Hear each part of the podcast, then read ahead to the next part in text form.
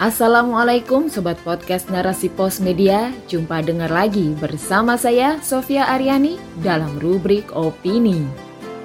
Rubrik Opini kali ini dengan judul Inflasi melanda, kapitalisme gagal secara nyata oleh Dina Nur. Inflasi tengah menginvasi dunia banyak negara mengalami inflasi yang tinggi, bahkan tertinggi dalam sejarahnya. Bukan hanya negara-negara berkembang saja yang dihantui inflasi, negara-negara maju pun tak bisa menghindar dari kondisi sulit ini. Berulang kali inflasi global terjadi. Ini menandakan ada yang salah pada sistem ekonomi yang kini tengah berlaku. Apa sebenarnya yang keliru dengan sistem ini? Adakah sistem alternatif yang bisa menjadi penggantinya? Bagaimana keunggulan sistem tersebut? Badai inflasi tak bisa dihindari. Negara adidaya Amerika kini mencetak rekor inflasi tertingginya dalam 41 tahun terakhir Data Biro Statistik dan Tenaga Kerja Amerika Serikat pada Jumat 10 Juni 2022 menyebutkan bahwa inflasi di Amerika pada Mei 2022 mencapai 8,6 persen secara tahunan atau year on year. Sulitnya kondisi diperparah dengan adanya perang antara Rusia dan Ukraina – Harga bensin di Amerika Serikat mencapai 5 dolar Amerika per galon atau sekitar 3,7 liter untuk pertama kalinya.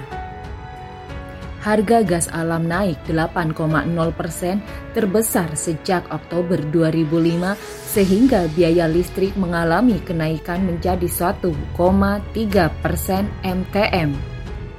Harga makanan pun turut naik tanpa bisa dicegah cnbcindonesia.com 16 Juni 2022. Perang Rusia dengan Ukraina jelas berdampak pada negara-negara Eropa lainnya. Terhentinya suplai gandum, minyak, dan barang tambang yang dibutuhkan negara-negara di benua biru menyebabkan banyak kesulitan. Ini kemudian mendorong naiknya harga energi, makanan, dan jasa, sehingga terjadi inflasi. Menurut data dari Eurostat yang dirilis pada Jumat 1 Juli 2022, tingkat inflasi di kawasan Eropa mencapai 8,6 persen pada Juni 2022. Ini lebih tinggi daripada bulan Mei yang tercatat sebesar 8,1 persen dan lebih tinggi dari ekspektasi sebesar 8,4 persen. CNBCIndonesia.com 1 Juli 2022. Badai inflasi juga menerpa kawasan Asia.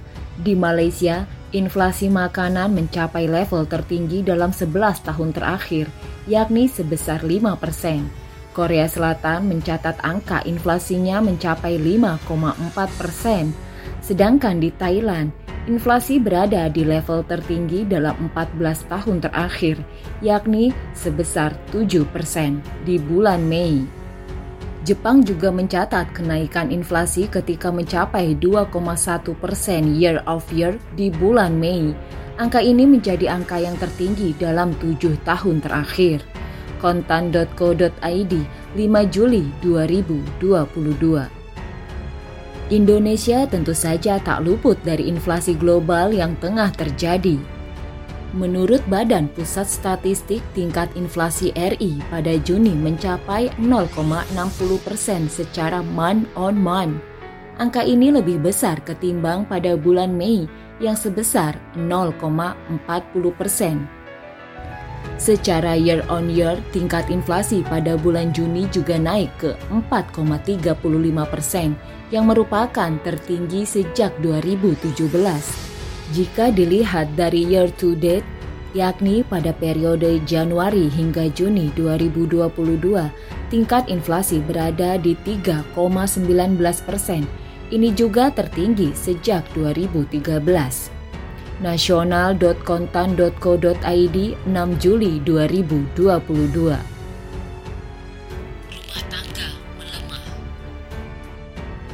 Berkurangnya pasokan sembako untuk dalam negeri juga dipengaruhi oleh kebijakan pembatasan ekspor yang dilakukan oleh sejumlah negara. Komoditas pangan yang mengalami pembatasan adalah gandum, gula, daging sapi, dan kedelai. Pupuk sebagai penunjang pangan juga turut dibatasi. Terbatasnya jumlah barang-barang kebutuhan pokok menyebabkan kelangkaan di tengah masyarakat – ini kemudian menyebabkan harga-harga menjadi mahal. Akibatnya, masyarakat harus mengeluarkan biaya hidup yang lebih besar. Dengan penghasilan yang tetap, bahkan berkurang, tentu keadaan menjadi kian sulit bagi masyarakat kebanyakan. Sekali dua kali mungkin sebagian masyarakat kita masih bisa menjangkau barang-barang kebutuhan tersebut, meskipun harus dengan susah payah. Namun, bila harga-harga tak kunjung turun, apalagi diikuti kenaikan pada harga barang-barang lainnya, maka masyarakat kita akan jatuh dalam keterpurukan. Daya beli masyarakat merosot, orang miskin pun bertambah jumlahnya. Kebutuhan pokok yang harusnya terpenuhi akhirnya menjadi terabaikan. Padahal yang namanya kebutuhan pokok pastilah sesuatu yang mendasar bagi kehidupan Bila sesuatu yang penting itu tidak ada, maka akan sangat mempengaruhi kehidupan. Bermacam permasalahan akan muncul dan mengancam keberlangsungan hidup manusia. Lambat laun, kualitas kehidupan melemah. Keluarga-keluarga mengalami kesulitan dalam memenuhi kebutuhan pokoknya. Ayah harus bekerja lebih keras lagi mencari tambahan penghasilan ibu harus memutar otak supaya dengan penghasilan yang seadanya bisa mencukupi semua kebutuhan, meskipun akan ada banyak pos-pos yang harus dipotong, bahkan ditiadakan. Dana untuk pendidikan anak-anak mau tidak mau harus dikurangi. Bila terpaksa, bisa saja ditutup. Generasi penerus bangsa pun terancam putus sekolah. Bila sudah begitu, bagaimana kehidupan masyarakat bisa sejahtera? Belum lagi perilaku pejabat yang masih saja asyik korupsi membuat hak rakyat tercerabut. Hukum yang tumpul ke atas dan tajam ke bawah menjadikan masyarakat kecil kian menderita, jauh dari bahagia dan sejahtera. Sementara para politisi sibuk mencari koalisi demi mengamankan posisi tanpa menghiraukan jeritan dari wong cilik yang terinjak-injak.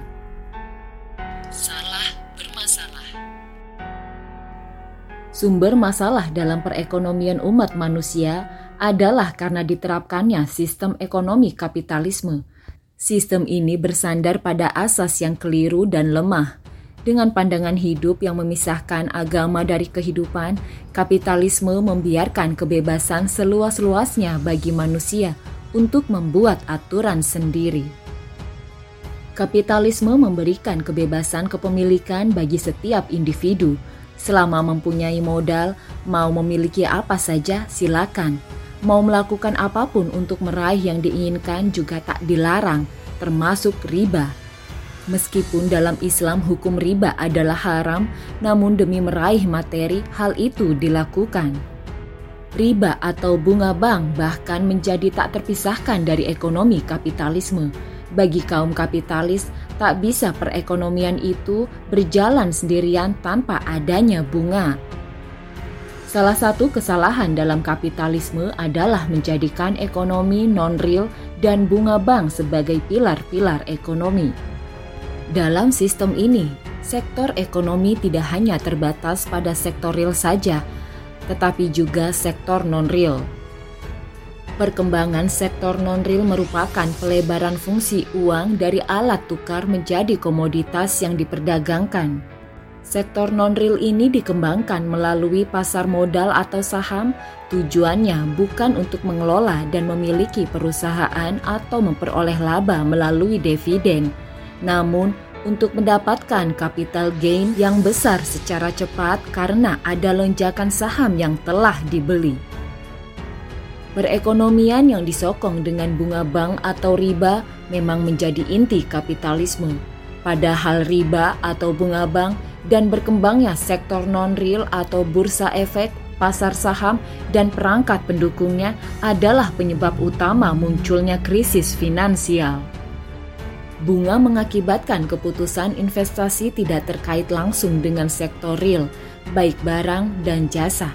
Ini mengakibatkan pertumbuhan uang lebih cepat dibandingkan dengan pertumbuhan sektor real. Pertumbuhan jumlah uang yang melebihi pertumbuhan sektor real inilah yang menyebabkan terjadinya inflasi karena mengakibatkan daya beli uang terus menurun. Sistem Islam bukan hanya agama ritual semata, tetapi juga menjadi sistem kehidupan. Maknanya, Islam memiliki seperangkat aturan yang bisa diterapkan dalam seluruh aspek kehidupan – Sistem Islam bersumber dari wahyu Allah. Bidang ekonomi tidak berdiri sendiri, melainkan selalu terkait dengan bidang lainnya seperti politik, pendidikan, sosial, pergaulan, dan hukum. Semuanya berputar pada poros yang satu, yakni akidah Islam.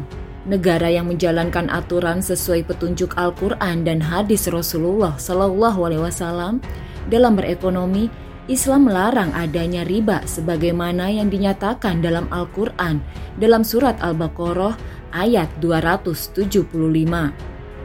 Padahal Allah telah menghalalkan jual beli dan mengharamkan riba. Telah jelas dan pasti tentang keharaman riba dalam Islam.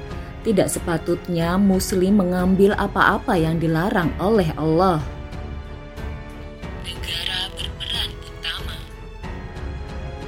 Dalam Islam, negara wajib berperan langsung dalam kegiatan ekonomi dengan mengelola harta milik negara, yaitu fa'i, gonimah, rikaz, usyur, dan khoroj, dan milik umum seperti air, barang tambang, hutan, hasil laut, dan sebagainya.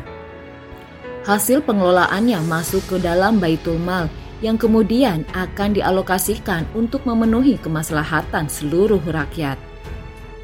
Tidak seperti kapitalisme yang memandang bahwa persoalan utama ekonomi berpangkal pada kelangkaan. Islam melihat pada aspek distribusi. Islam mengatur supaya setiap orang mendapatkan barang yang menjadi kebutuhan pokoknya. Distribusi harus adil dan merata. Tidak boleh ada harta yang beredar pada orang-orang kaya saja. Tidak boleh pula ada penimbunan barang dan monopoli. Kekayaan alam yang melimpah sangat mencukupi untuk kebutuhan seluruh umat manusia. Setiap orang bisa mengambil bagian untuk dirinya seperlunya saja. Yang menyebabkan sebagian orang tidak mendapatkan akses padanya adalah karena ada penguasaan oleh individu atau segelintir orang lainnya.